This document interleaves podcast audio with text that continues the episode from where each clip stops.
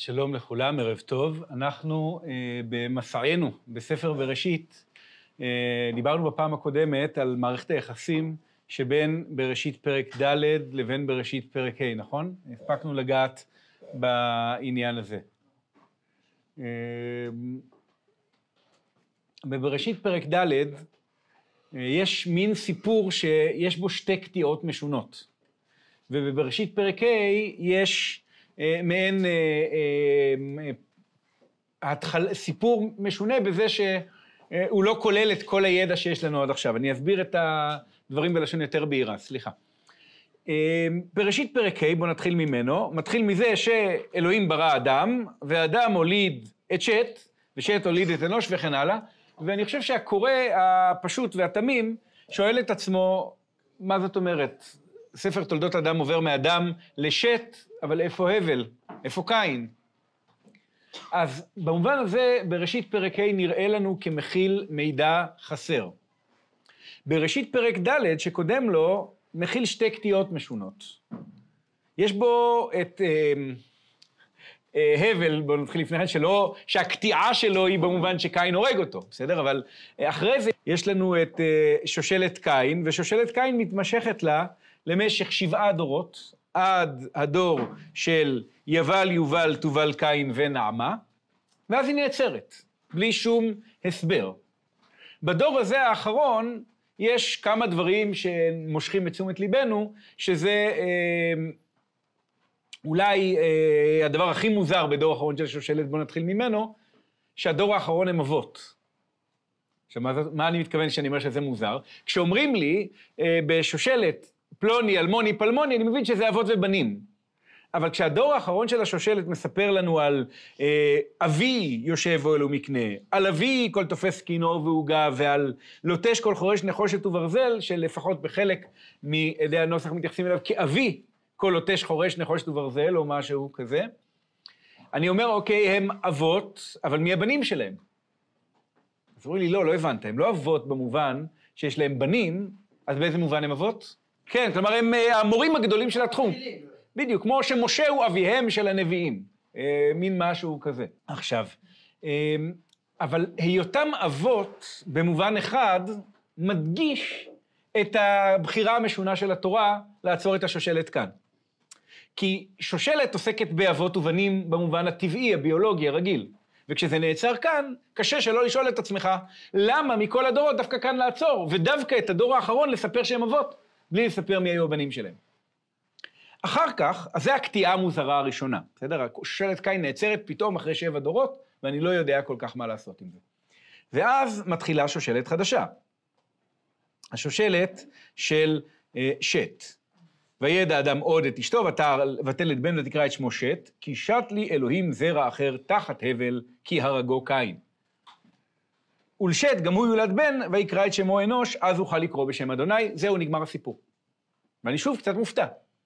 שמעתי שלאדם ואשתו נולד בן שקוראים לו שת, ואז אני שומע שלשת נולד בן שקוראים לו אנוש, ואז הסיפור נעצר. עכשיו, זה שתי קטיעות משונות, כי אני לא יכול שלא לשאול את עצמי, למה השושלות האלה נעצרות איפה שהן נעצרות. עכשיו, אני רוצה לחדד את השאלה באמצעות משהו אחר, באמצעות דוגמה אחרת לשושלות. יש לי את שושלת של, את השושלת של ספר תולדות אדם בפרק ה'. איפה היא נעצרת? מי זוכר? נוח, נוח ושלושת בניו. למה שם היא נעצרת? שם מתחיל הסיפור של פרשת נוח, של המבול. בעצם, אני רוצה רגע לומר משהו על שושלות שאולי יעזור להבין את העניין. השושלת היא כמו חץ שלוח. כמו מסע.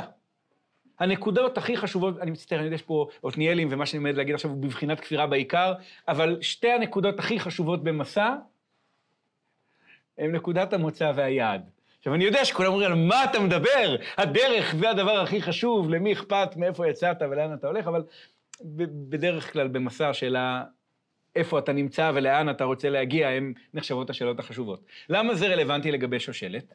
כי בעצם, בהנחה שמדובר בעולם פטריארכלי, כלומר, עולם שבו המעבר מדור לדור הוא בעיקרון רק על ידי זכרים, הדרך היחידה להגיע מאדם לנוח היא בעקבות האנשים האלה בדיוק. כל תזוזה למישהו אחר לא מגיעה לנוח. בסדר? זה, אני חושב שזה ברור, נכון?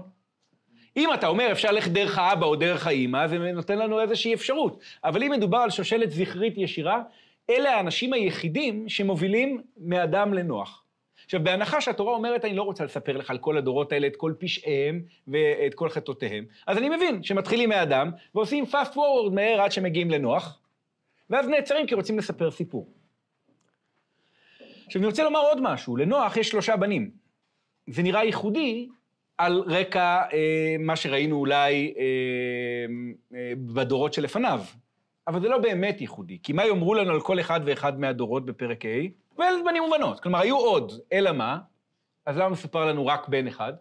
או, זה השושלת, אז למה בנוח מסופר יותר? נוח הוא דמות שמתחילה סיפור, לבנים שלו יש חשיבות בסיפור, אז צריך לספר עליהם.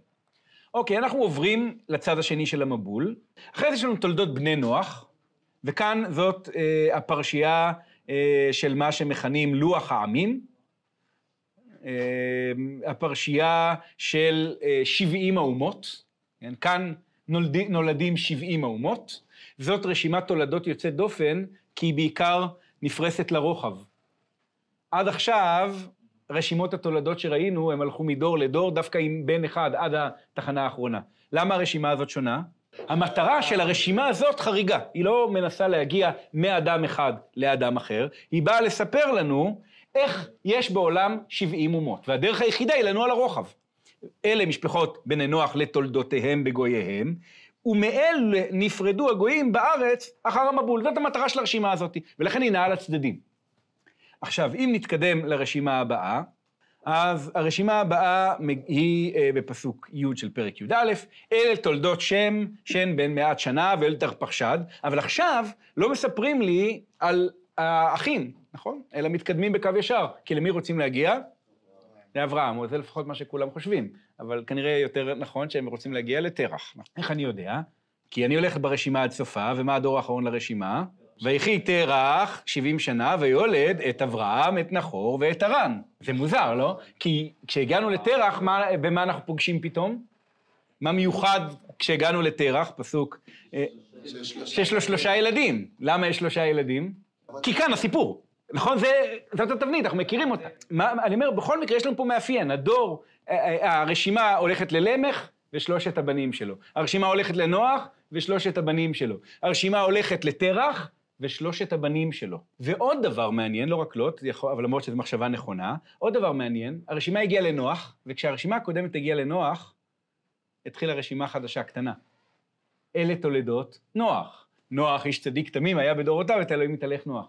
הרשימה הגיעה לתרח, ואז מתחילה רשימה חדשה, קטנה אמנם. אלה תולדות תרח. לא יודע אם שמתם לב אי פעם, זו תעלומה מאוד גדולה שאולי נדבר בה בקיץ, לא יודע מתי נגיע לשם. ספר בראשית הוא ספר של תולדות. יש את תולדות השמיים והארץ, ואת ספר תולדות אדם, ואת uh, תולדות נוח, ואת, סליחה, uh, את uh, תולדות, uh, כן, תולדות נוח, תולדות בני נוח, תולדות שם, תולדות תרח, תולדות ישמעאל, תולדות יצחק, תולדות עשיו ותולדות יעקב. ונדמה לי שאי אפשר שלא לשאול, קודם כל למה קוראים לספר תולדות? אולי היה השם שלו. בלעז קוראים לו ג'נסיס, וזה מתאים לכיוון הזה. ואני חושב שאתם יודעים שהשמות הלועזיים כנראה משמרים שמות עבריים, או משהו דומה להם. אנחנו לא יודעים את זה בוודאות, אבל זה ממש בסוגריים בתוך סוגריים, אז רגע, אל תתבלבלו. ג'נסיס ואקסודוס אנחנו לא יודעים, אבל Leviticus, השם העברי השני שלו זה תורת כהנים. נומרוס, Numbers, מה שלא יהיה, השם העברי השני שלו הפקודים, נכון? וספר דברים, השם העברי השני שלו, משנה תורה, שזה דויטרונומוס, או דויטרונומיניום, או מה שלא יהיה, כן? דויטרונומוס, נומוס, חוק, דויטרו, משנה תורה, פשוט. בסדר? וכיוון ששלושה ספרים, יש לנו את השם השני שלהם בחז"ל, כלומר, יש גם את השם על התחלתם וגם שם של תוכן, אז זה לא מופרך להניח שגם ג'נסיס ואקסודוס היו להם שמות עבריים מקבילים שהם דומים למילים האלה באיזשהו מובן. ואז אולי ספר התולדה וספר היציאה או משהו כזה, לא יודע איך לקרוא לזה, זה הגיוני, כן? כי התולדות נורא חשובים. איזה תולדות ממש חייב שיהיה בספר בראשית ואין? כאילו, ברור שזה נמצא שם, רק שזה לא. משה ואהרון זה רק בשמות, אבל אברהם, נכון.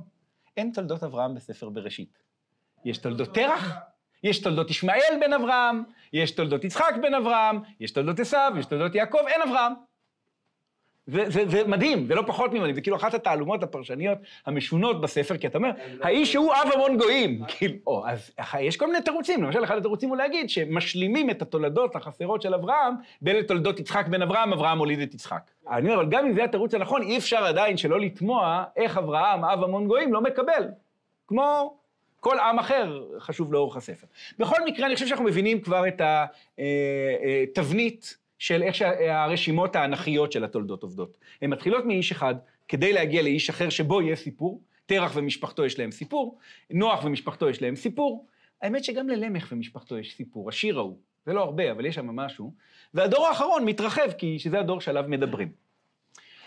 אז אני מבין למה נעצרים בנוח, אני מבין למה נעצרים בתרח, כי יש סיפור לבני תרח, והחשוב שבהם אברהם, אבל למה נעצרים בלמך זה קצת יותר מוזר, כי אין לנו כל כך סיפור, רק השיר הזה הקטן, ולמה נעצרים בשט? אז נוכל לקרוא בשם השם.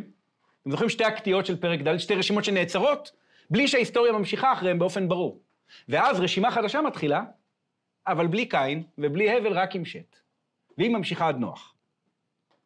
אוקיי, אז מה אנחנו עושים עם אה, דבר מוזר כזה? בואו נשאל. למה בספר תולדות אדם אין את הבל?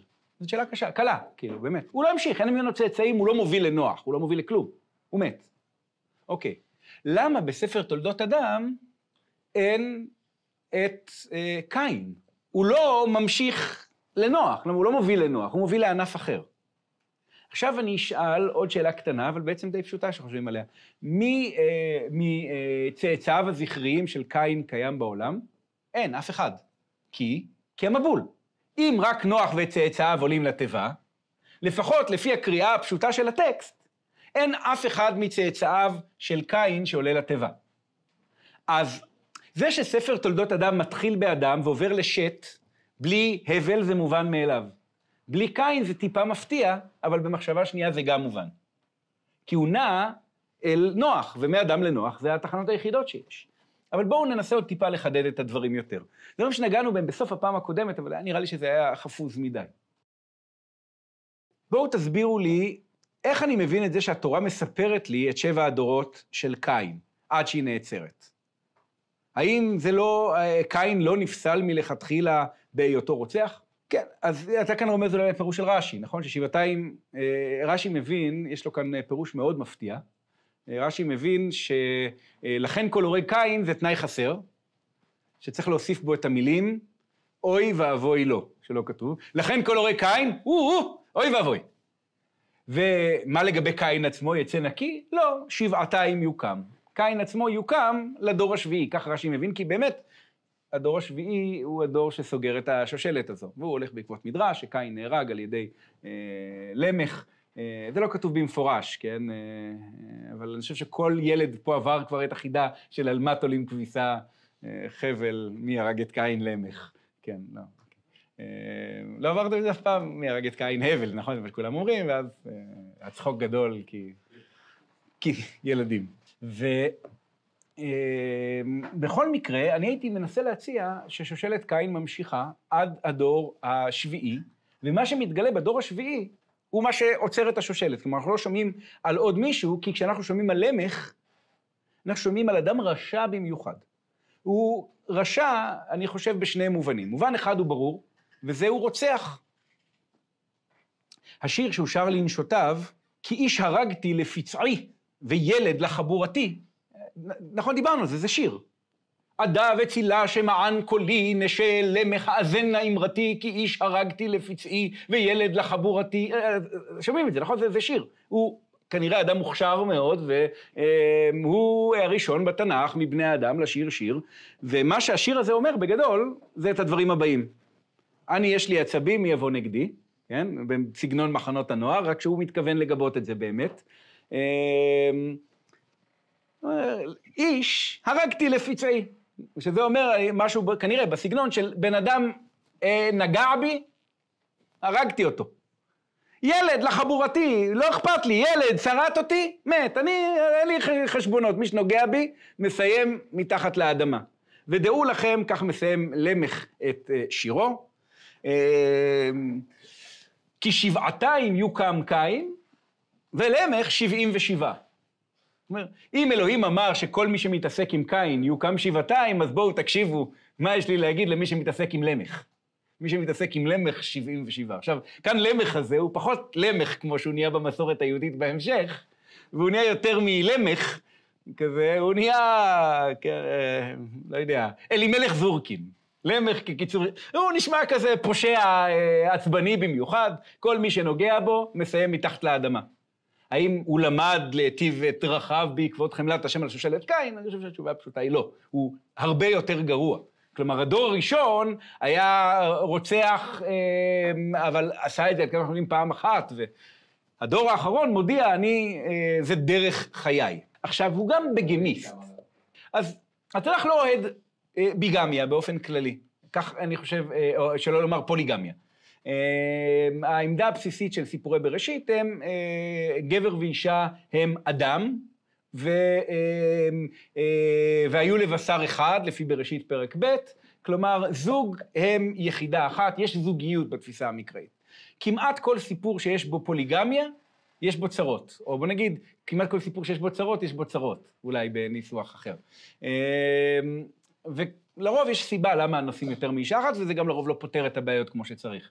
כלומר, בכל סיפור כמעט, שתבדקו שיש יותר מאישה אחת, אתם תגלו, א', שהיו צרות לפני כן, וב' שההכנסה של האישה הנוספת לא פתרה את ה...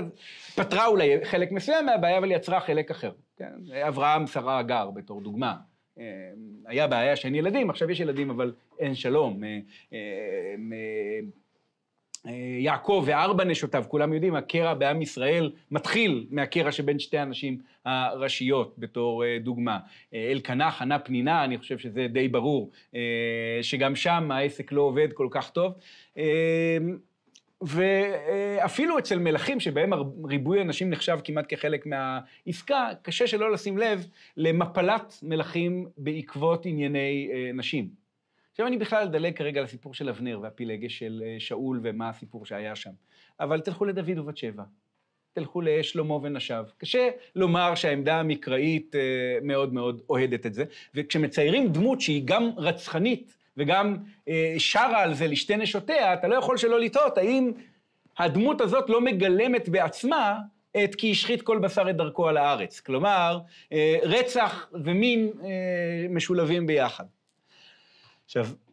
יש סיפורים של אה, מונוגמיה אה, מוצלחים? סיפורים של מונוגמיה מוצלחים? בוודאי. מה זאת אומרת? כי כל סיפור שלא כתוב בו שהייתה איזה בעיה, למה אתה צריך להניח שהייתה... כלומר, מה, מה אתה מצפה שיכתבו? חוץ מזה שהם נשואים. כאילו, מה... מה... מספרים בעיקר בעיות, כן. אה, יושי, לגבי למך, ראיתי שהוא חי 777 שנים. יכול להיות שזה קשור ל-77? אמ, כן, זה מאוד מאוד מעניין. אה, יש אומרים שאם הוא היה מרבה שנה, שנה, לא, 11 שנה, הוא היה מרבה והופך לריבה, אבל... אה, אה, זה למך אחר, ולכן זה נורא מסקרן. כלומר, אלה שתי שושלות. נכון, הרי יש את הלמך של שושלת קין ואת הלמך של שושלת... הזכרנו את זה גם שבוע שעבר. אתם זוכרים, נכון? שאותם שמות במין עימות כזה. עכשיו, מה שאני מנסה להציע מכל המהלך הזה, ובעצם אה, את ההצעה הבאה. הדור האחרון של שושלת קין מת במבול. הם לא עולים לתיבה, והם מתקיימים בניגוד לשושלת שת. הם נעצרים כי כולם אה, אה, נמחים במבול, והדור האחרון הם אבות שאינם אבות, כי במובן מסוים הם נשארו בעולם אף על פי שהם מתו. בבחינת ואללה יאמר הסריסן אני עץ יבש כזה. כלומר, כולם מתו, אין להם בנים, אבל מה יש להם? מורשת, תלמידים, כלומר, שמם ממשיך להיזכר בזכות היותם אה, ראשי מקצוע. למה אה, אה, השושלת של אה, אה, שת נקטעת פתאום בסוף הסיפור של פרק אה, ד'? הרי היא מתחילה שוב בפרק ה'. למה השושלת של הבל נקטעת? כולנו מבינים, הוא מת. למה השושלת של קין נקטעת? אני חושב שהסיפור מוביל עד למקום שבו אין טעם להמשיך עם השושלת הזאת, הבנו מי היא ומה דמותה. אז למה לא להתחיל ישר עכשיו מהשושלת של שת? אנחנו לא יודעים מי, אנחנו לא יודעים מה דמותה, מתי נדע? אני חושב שבאמת, עד אנוש. למה? איך אתה יודע? אז אה, זה נגמר ב"ולשת גם הוא יולד בן ויקרא את שמו אנוש", אז אוכל לקרוא בשם אדוני. ואני כאן נוקט, יש מחלוקת פרשנים מה זה אוכל, אם זה התחילו או חיללו, אבל כיוון שאין שום סיפור שאני רואה שחיללו לקרוא בשם השם, אז אני מעדיף לא לקרוא כמו "ובת איש כהן כי תחל לזנות את אביה היא מחללת", אני מעדיף לקרוא, אז התחילו לקרוא בשם השם. ואז אני אומר, רגע, לקרוא בשם השם זה גם צירוף שאני מכיר אותו בתור צירוף חיובי. כן? זה צירוף של אה, פנייה בתפילה או משהו כזה. ואז אומרים לי, לאדם נולד אה, בן שקוראים לו שת, לשת נולד בן שקוראים לו אנוש, אז אוכל לקרוא בשם השם. ואז הסיפור אומר, מצוין, בואו נעצור ונתחיל מחדש. זה ספר תולדות אדם. אז הנה, זה ספר תולדות אדם, אומרים לנו עכשיו. ביום ברוא אלוהים אדם, בדמות אלוהים עשה אותו, זכר ונקבה ברעם, ויברך אותם, ויקרא את שמם אדם ביום התברעם. ויחי אדם שלושים ומעט שנה, ויולד בדמותו כצלמו, ויקרא את שמו שת. אין קין, אין הבל, הם לא רלוונטיים, אבל שת הפך להיות הדמות הרלוונטית. והיו ימי אדם אחרי הולידו את שת. זה מאוד מעניין ששת הוא בדמותו כצלמו של אדם. זה לא כתוב על האחרים, אבל נדמה לי שזה אמור להיות מוסק מכאן. עכשיו, למה הביטוי דמותו כצלמו מעניין כל כך בלידה של אה, הדור הראשון לאדם? או, כי אדם הוא בצלם אלוהים. ואז אפשר היה לחשוב שהאדם הראשון היה מעניק חמה בקומתו, ושהיה אה, בצורה שהיא על-אנושית, אבל אנוש הוא כבר היה אנושי. נדמה לי שהסיפור בא לומר, לא לומר על הדורות הראשונים שהיו טובים מאלה, כן? אה, אלא לומר שכמו שאדם היה צלמו דמותו של אלוהים, כך גם בנו של אדם היה צלמו דמותו שלו, ואני הייתי מוסיף, אבל זה ספקולציה, זה לא כתוב, אבל ככה אני מבין, וכן הלאה. עכשיו, על קין והבל לא נאמר לא זה ולא זה, כן? למרות שקניתי איש את השם, זה מעניין בהקשר של קין.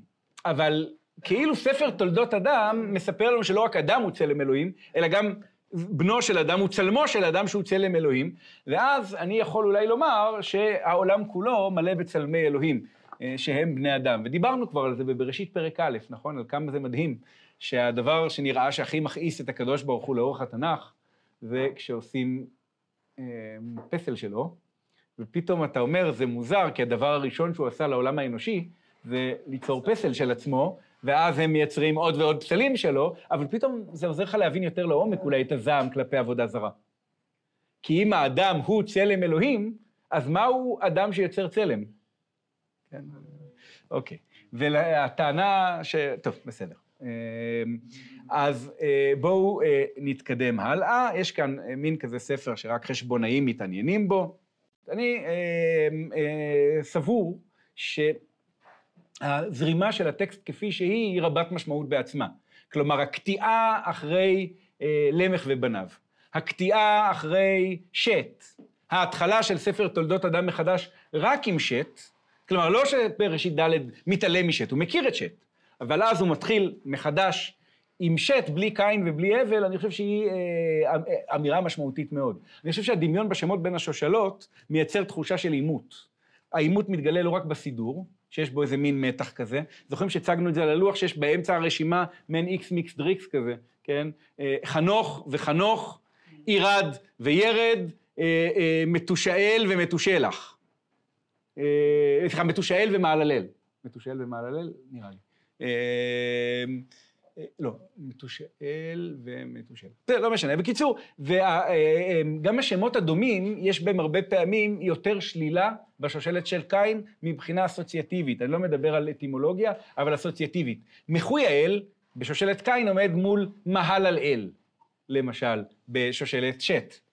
אתה אומר, אוקיי, פה נשמע כאילו מחוי האל, נשמע כאילו מחוי האל או משהו כזה. מהלל אל, לעומת זאת, טוב, נשמע כמו מהלל אל, ודווקא נחמד מאוד. אז התחושה, אני חושב, בעיצוב של הדברים, היא שהשושלת של שת היא ניגוד לשושלת של קין. אגב, גם מה שמספרים עליה, אנחנו לא יודעים הרבה. אבל אנחנו יודעים שאדם, שת, אנוש, הדור השלישי, מה אנחנו יודעים על אנוש? פרט קטן. אז נוכל לקרוא בשם השם. לפי המספרים המעניינים והחשובים במקרא, אה, איזה דור הדור הבא שמעניין אותנו לשמוע עליו? דווקא לא מתאים למספרים שאנחנו רגילים היום, אבל אה, שבע. אה, שבע הוא גם דור חשוב. אז מי הדור השביעי שלנו? אני מקווה שאני לא מטעה אתכם מאוד, אבל חנוך. וגם בחנוך יש פתאום, בואו תשמעו משהו על חנוך, אומרת הרשימה. ויחי חנוך חמש ושישים שנה ויולד את מתושלח, מתושלח, ויתהלך חנוך את האלוהים אחרי הולידו את מתושלח שלוש מאות שנה ואל בנים ובנות, ויהי כל ימי חנוך חמש ושישים שנה ושלוש מאות שנה, ויתהלך חנוך את האלוהים ואיננו, כי לקח אותו אלוהים. גם פה יש איזושהי התעכבות על דמות מסוימת, וכמו אז אוכל לקרוא בשם השם שראינו קודם, יש לנו פה דמות של ויתהלך חנוך את האלוהים. ויתהלך חנוך את האלוהים, עוד דמויות שיש עליהן תיאורים דומים? אברהם, רק שאברהם, מה שנאמר בו במובן מסוים, ונוח, מצוין. נוח, אצל אברהם זאת נאמר כציווי, התהלך לפניי והיה תמים ואתנה וריתי ביני וביניך. זה בראשית י"ז. אבל אצל חנוך, חנוך התהלך את האלוהים, זה לא נאמר כעתיד, אלא כעבר, ואצל נוח זה עוד יותר בולט. נוח איש צדיק תמים היה בדורותיו, את האלוהים התהלך נוח. נוח איש צדיק תמים, היה מול היה תמים באברהם. אברהם לא היה תמים כשהוא אמר כמו שנוח כבר היה. ואברהם נבחר אבל היה לו עוד סיפורים לעתיד, אצל נוח זה כבר הסוף של הדרך. את האלוהים התהלך נוח, נוח כבר התהלך את האלוהים. אברהם, היה לו ציווי, התהלך לפניי והיה תמים. ההשוואה הזאת מאוד מעניינת, נדבר בה מתישהו. אבל אה, חנוך שמתהלך את האלוהים הוא דמות ששמים עליה מרקר, היא מעניינת. יש עליה מרקר מעוד סיבה. מה מוזר בה יחסית לרשימה? אני הייתי עצלן, לא כתבתי את זה. הוא מת בגיל צעיר. הלוואי עלינו, גיל צעיר כזה, נדמה לי, אבל בכל זאת, גיל צעיר. 365 שנים. עכשיו, אנחנו נעצרים רגע ואומרים, גם על המספר הזה, הוא גם מספר מעניין, נכון? למה? או, זה נשמע כמו ימות השנה. עכשיו, אני מניח שלא יפתיע אתכם לגלות שהדמות של חנוך טעונה במשקל גדול מאוד, למשל, בספרים החיצוניים, כלומר, אותם ספרים שנכתבים אחרי, אה, בשלהי או אחרי ימות המקרא, ולתנ"ך שלנו לא נכנסים, אבל כן נכנסים לקאנונים אה, אחרים אצל הנוצרים, מוכרים שלושה ספרי חנוך. המוקדם שבהם, נדמה לי, הוא מהמאה השלישית לפני הספירה. כן? אה, אמצע ימות הבית השני לפי המקובל במחקר, ותחילת, די תחילת הבית השני לפי המניין המסורתי. הבית נחרב ב-70 פלוס, כן? אנחנו מדברים על המאה השלישית לפני, אם אני זוכר נכון, זה כ-300 שנה לפני החורבן, לפי חז"ל כל הבית השני עמד 420 שנה. אז אה, זה מאוד מרשים אה, שכותבים עליו כל כך הרבה ספרים, ולעומת זאת, אם אנחנו הולכים לעולמם של חז"ל, אנחנו דווקא מוצאים על חנוך דברים פחות נחמדים. למשל, שראה השם שחנוך עתיד לחטוא, והוא לקח אותו לפני שיחטא. מעניין מה קורה כאן בדיוק, אבל בואו ננסה עוד להוסיף קצת דברים. השם חנוך רומז על ה... אם אנחנו צריכים להמציא עליו סיפור. חנוך, מה עניינו? חינוך. חינוך. כלומר, אה, הוראה, לימוד, יפה. באיזה תחום אה, הוא לימד את בני האדם? או, הוא לימד אותם דברים אלוהיים, כי הוא מתהלך את האלוהים, ובאיזה תחום ספציפי במיוחד? אין על הרבה, הרבה שאנחנו יודעים מכאן, אבל בכל זאת, לוח שנה, בדיוק. הוא לימד את חוקות השמיים. כי חנוך, שחי 365 שנה, והתהלך את האלוהים, הוא עלה אל מעל לבני האדם, ואולי עלה בחייו אל השמיים, ולמד את חוקות השמיים, וחינך, לימד, ייסד את הדברים לבני אדם. אז בעולם של הספרות החיצונית יש לו המון המון מקום וחשיבות. בעולם של ספרות חז"ל יש עליו אה, מבט יותר שלילי. ספק בגלל מעשיו של חנוך עצמו, ספק בגלל הרצון להיאבק כנגד הניסיון להכניס את חנוך לתוך ה... אה, את ספרות חנוך לתוך התנ"ך. טוב, אנחנו עוד נחזור לחנוך אולי עוד מעט, כי זה מוזר בכל זאת שאיננו, כי לקח אותו אלוהים, זה, תראו, זה פיתוי פיוטי כזה. לא, זה מה שמופיע אה, בספר חנוך למשל. כלומר, ככה הוא מאופיין באמת. עכשיו, אתה שואל מאיפה מגיע האפיון הזה? זאת אומרת, כי מי שקורא, קודם כל אולי היו מסורות, מי יודע, אבל מי שקורא אומר, מה אנחנו יודעים על חנוך? המעט שאנחנו יודעים מתאים לכמה מהמאפיינים הבולטים שלו אה, בספרות החיצונית, ולכן יכול להיות שכדרכו של המדרש המרחיב, אה, תלו בו בחנוך את, ענייני, את העניינים הללו. אני אומר, הדמות של חנוך בעצמה, אי אפשר להיות שלילי לגמרי כלפיה. כי כל דמות שכתוב עליה שהיא התהלכה את האלוהים, היא דמות חיובית. אבל אם היא מתה בדמי ימיה, אין, דמי ימיה, שוב, כן? אין זאת אלא אה, שקרה כאן משהו. טוב. למה זה שומעת בגיל צעיר נותן לנו עליו טריגר שלילי? אנחנו אה, אולי אה, נוטים היום לא לחשוב כך, אבל לפחות בעולם המקראי אפשר לראות שקללת החוטא למות בדמי ימיו או להיכרת או דברים כאלה נמצאת בכמה ספרים שונים. ואז אתה יכול לחשוב שאם אלוהים לקח אותו בגיל צעיר ולא נתן לו כדרך החכמים והצדיקים אורך חיים בימינה, בשמאלה, עושר וכבוד, אין זאת אלא שהיה כאן איזשהו משהו פגום. אתם רואים, זה מעניין, הדמות הזאת של חנוך היא מושכת את תשומת הלב אפילו כאן, אפילו עכשיו, כאילו אתה נתקל בשתיים וחצי שורות בתוך רשימה. עכשיו, יש יחס מאוד מעניין בין מידת היובש של הרשימה לכמה אתה נתפס על כל פרט קטן שאתה יודע על דמות, חוץ מאשר הפרטים הטכניים, איך קוראים לו, באיזה גיל הוא הוליד, באיזה גיל הוא מת. פתאום זה מאוד מושך את תשומת הלב. אמ, כמו בחור שתקן שהוא יושב אה, שנים, מקשיב ושותק, ואז כשהוא פעם אחת מוציא מילה, אז לפעמים כל הזה משתתקים, כי מה יש לו להגיד, מה הסודות הגדולים. טוב, אנחנו אמ, ברשימה עוד מגיעים עד למך, ובדורו של אה, למך אנחנו שומעים על לידה מיוחדת. ויחי למך שתיים ושמונים שנה ומעט שנה ויולד בן, ויקרא את שמו נוח. לאמור, זה ינחמנו ממעשינו ומעיצבון ידינו, מן האדמה אשר אררה אדוני. עכשיו, כבר דיברנו פעם על האטימולוגיה, שבתנ"ך השמות לרוב ניתנים במה שמכנים במחקר אטימולוגיה עממית. כלומר, נוח לא קשור לינחמנו, בסדר? זה לא נחמה, כן? אה, לא קראו לו נחום או מנחם או משהו כזה, קוראים לו נוח, ובכל זאת אי אפשר שלא להבין את הקשר בין השם לבין הדברים של האבא. נוח לאמור זה ינחמנו. אנחנו שומעים את הנ"ח בינחמנו. פשוט זאת לא דרשת השם היחידה שנוח מקבל, זאת הדרשה שאבא שלו בברית נותן לו. ואתם יודעים שדרשות בברית לפעמים ההורים אהבו את השם, וצריכים לתת הסבר. אז נוח כנחמה, אה, אבל תראו עוד דרשת שם אחת לנוח, רק כדי שתשתכנעו אה, שהם מנצלים את זה יותר אה, מאשר רק כך. תראו את הפסוק הקצר והנחמד הזה, ונוח מצא חן בעיני אדוני. נדמה לי שקשה לפקפק בזה שגם זו דרשת שם לנוח. מפני מה נקרא שמה נוח? שמו נוח מפני שמצא חן. בואו נסתכל קצת יותר בסיפור של נוח, אה, בסיפור הלידה שלו. ויקרא את שמו נוח, למה? לאמור, וזה היה ההסבר, זה, נוח, ינחמנו ממעשינו, ומעיצבון ידינו, מן האדמה אשר אררה אדוני. עכשיו נוח, אה, אה, סליחה, למך במובן מסוים צודק, היה בו אחד משישים שבנבואה כשנתן את השם, אבל מתברר שלפעמים, למרות שזה נשמע מוזר, ה-59 חלקי 60 אה, יותר משמעותי מה-1 חלקי 60. לא, זה, זה מפתיע קצת, אבל בכל זאת. כלומר, הוא צודק במובן מסוים, אבל טועה במובן אחר.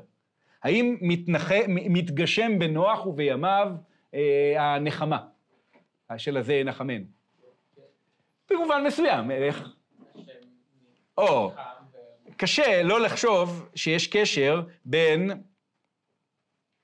וירא אדוני כי רבה רעת האדם בארץ, וכל יצר מחשיבות ליבו רק רע כל היום, וינחם אדוני כי עשה את האדם בארץ, ויתעצב אל ליבו, וכשהוא מוחה את כל בני אדם, ונוח מצא חן. ולכן, נוח שמצא חן, השם כשהוא ניחם, לא ניחם עליו, אלא מעלה אותו אל התיבה. כלומר, הנ"חים משחקים פה באיזושהי תביעה של מסר. השם קיווה שנוח ינחמנו ממעשינו, מעיצבון ידינו, מן האדמה אשר הראה השם, ובמקום זה נוח בימיו, השם ניחם על עצם הבריאה של האדם. אבל אחר כך, אחרי המבול, יש... אחרי המבול יהיה לנו עוד פרט אחד חשוב בענייני הנחמה, רגע. אז כמובן הניחוח, נראה לי ששוב, קשה שלא לשמוע בניחוח את נוח, שנמצא בכל מקום בסיפור, אבל, כן, אוקיי, אנחנו נחזור ללא אוסיף עוד לקלל את האדמה בעבור האדם, כי יצר לב האדם רע מנעורה, ולא אוסיף עוד להכל חי כאשר עשיתי. אבל חיפשתי עוד פסוק אחר. טוב, אז בואו נחזור, סליחה, אה, לענייננו. אני שוב מתנצל לרגע אה, על ה-blackout. אה, אז מה אבא שלו קיווה? זאת בעצם השאלה המעניינת. על מה הוא מדבר, אבא שלו? לא, הוא לא קיווה שהשם ישמיד את בני אדם. זה מה שקרה, אבא שלו ניבא ולא ידע מה ניבא. אבל למה אבא שלו קיווה באמת? על מה הוא מדבר? על הקללה של אדם הראשון. בואו נראה. זה ינחמנו ממעשינו ומעיצבון ידינו מן האדמה אשר אררה אדוני.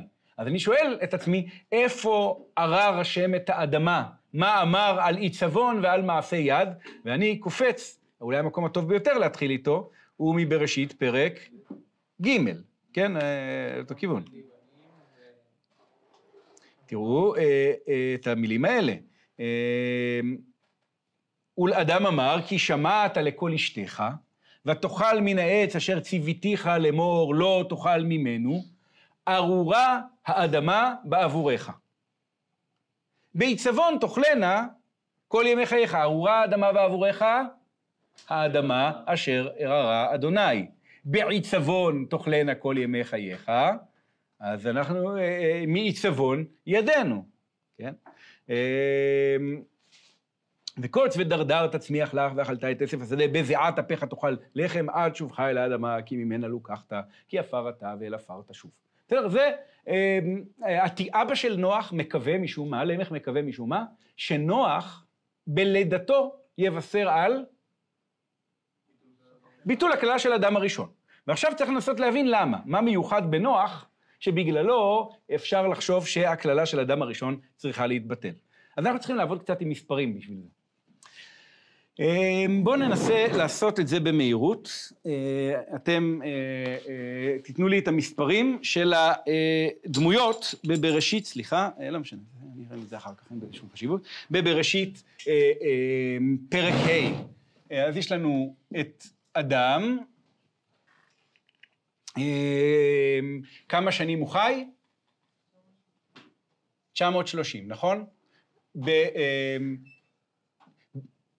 בגיל אמ, הפטירה לבריאה, האדם נפטר, זה קל לנו עדיין 930, בסדר?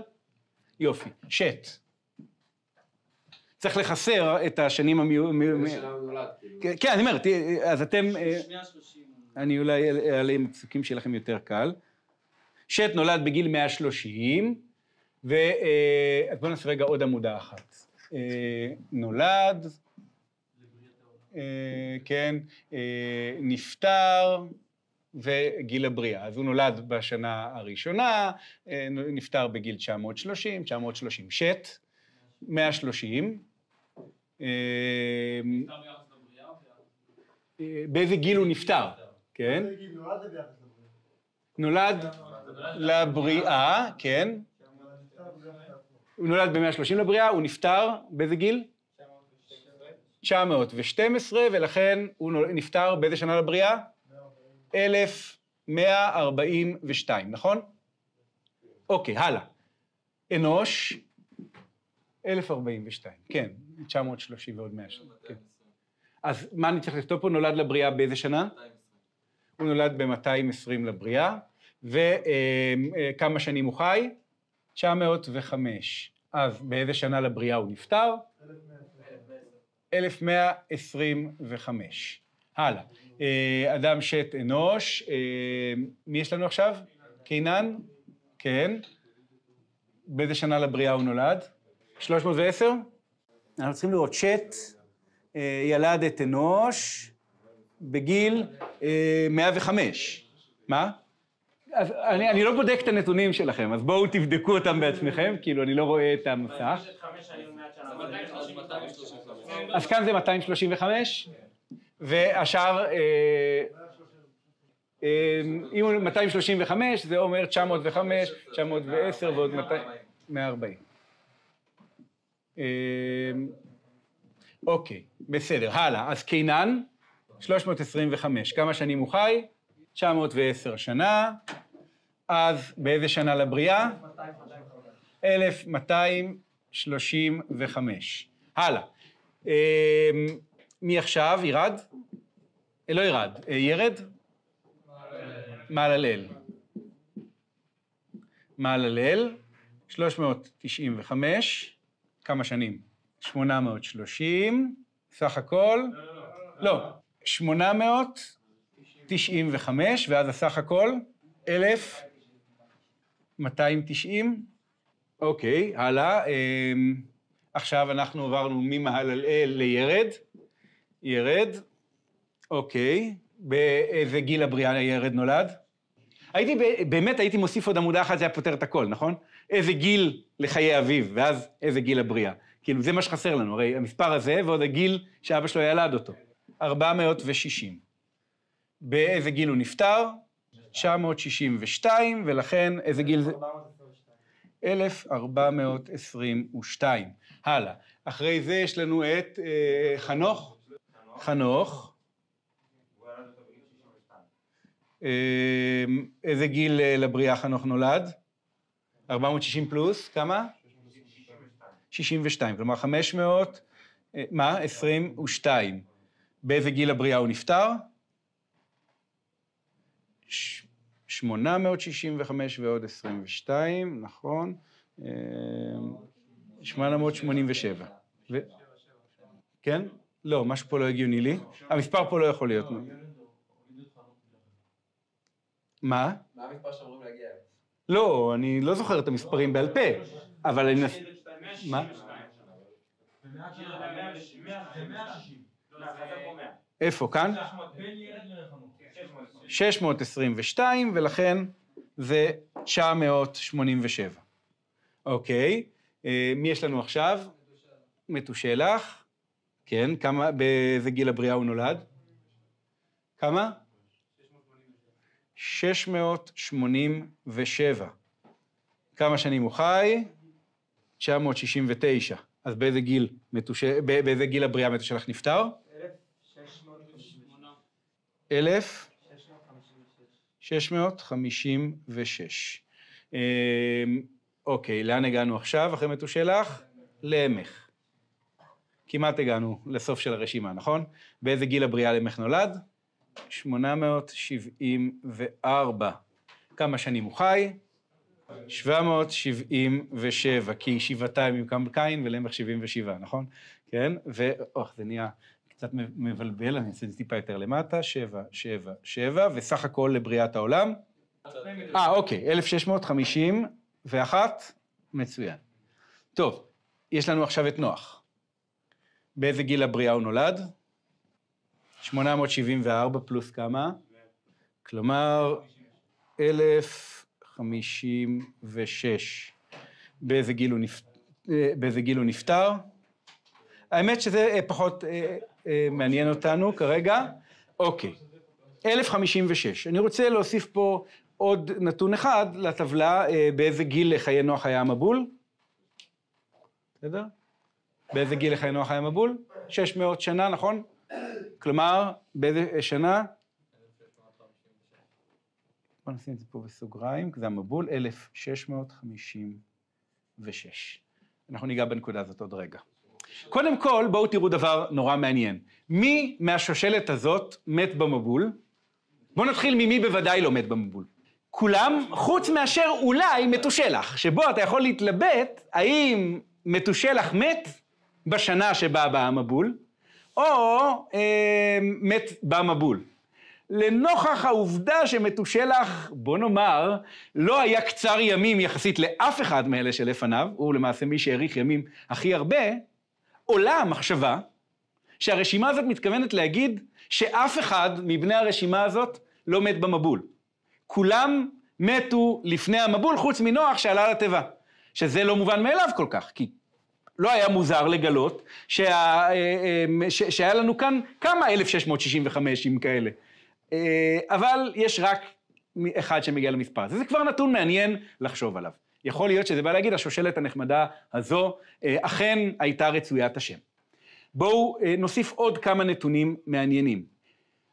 נוח נולד בשנת 1056 לבריאה, ואבא שלו מקווה שבלידת נוח תבוטל קללת אדם הראשון. אז זה האדם הראשון, בסדר? בואו אה, נסמן לנו אותו ככה, שיהיה בולט. האדם הראשון נולד, אה, נפטר בשנת 930 לבריאה. האדם הראשון שמופיע לנו, שנולד אחרי פטירת אדם הראשון, זה נוח. כל האנשים האחרים שמופיעים ברשימה נולדו לפני פטירת אדם הראשון. עכשיו, ספקולציה. למה אבא של נוח מדמיין שנוח ינחמנו מעצבוננו, ממעשה ידינו, מן האדמה אשר הראה אדוני? אוקיי, בואו נקשיב לקללה של האדם. ארורה האדמה בעבורך, בעיצבון תאכלנה כל ימי חייך, וקוץ ודרדר תצמיח לך, ואכלת את עשב השדה. אה, כל ימי חייך, עד שובך אל האדמה, כי ממנה לוקחת, כי עפר אתה ואל עפר תשוב. כשאתה קורא את הפסוקים האלה, באמת אי אפשר לדעת, בלי לראות את המשך ההיסטוריה, למה מתכוון השם בקללה שלו. אני יכול לדמיין שני תרחישים. תרחיש אחד שאומר, או, תרחיש אחד, ברגע שהאדם החוטא נפטר, ברגע שעפרו שב אל האדמה, הרי שאנחנו באים לעולם חדש. והעולם החדש, שבו אה, נוח נולד, הוא כבר עולם שקללת אדם הראשון צריכה להתבטל בו. והוא כמעט צדק. כי השם במקום להינחם על קללת האדמה, ניחם על עצם בריאת האדם. כלומר, נוח נולד באדם שבו, בעולם שבו הקדוש ברוך הוא מתנחם על בריאת האדם. אז אם אנחנו שואלים מה אה, מתכוון אה, למך כשנוח נולד, נדמה לי שזה מה שהוא מתכוון להגיד. בן חדש ומבורך שנולד לעולם חדש ומבורך. אז זאת אפשרות אחת מעניינת לחשוב עליה. אולי יש כאן גם משהו מעניין לגבי חנוך. כשאתם מסתכלים על שנות הפטירה של דמויות, חנוך הוא הדמות הראשונה שמתה בעולם אחרי מותו של אדם הראשון, מבחינת רצף הדמויות בשושלת הזאת, שמתה מוות טבעי כאילו.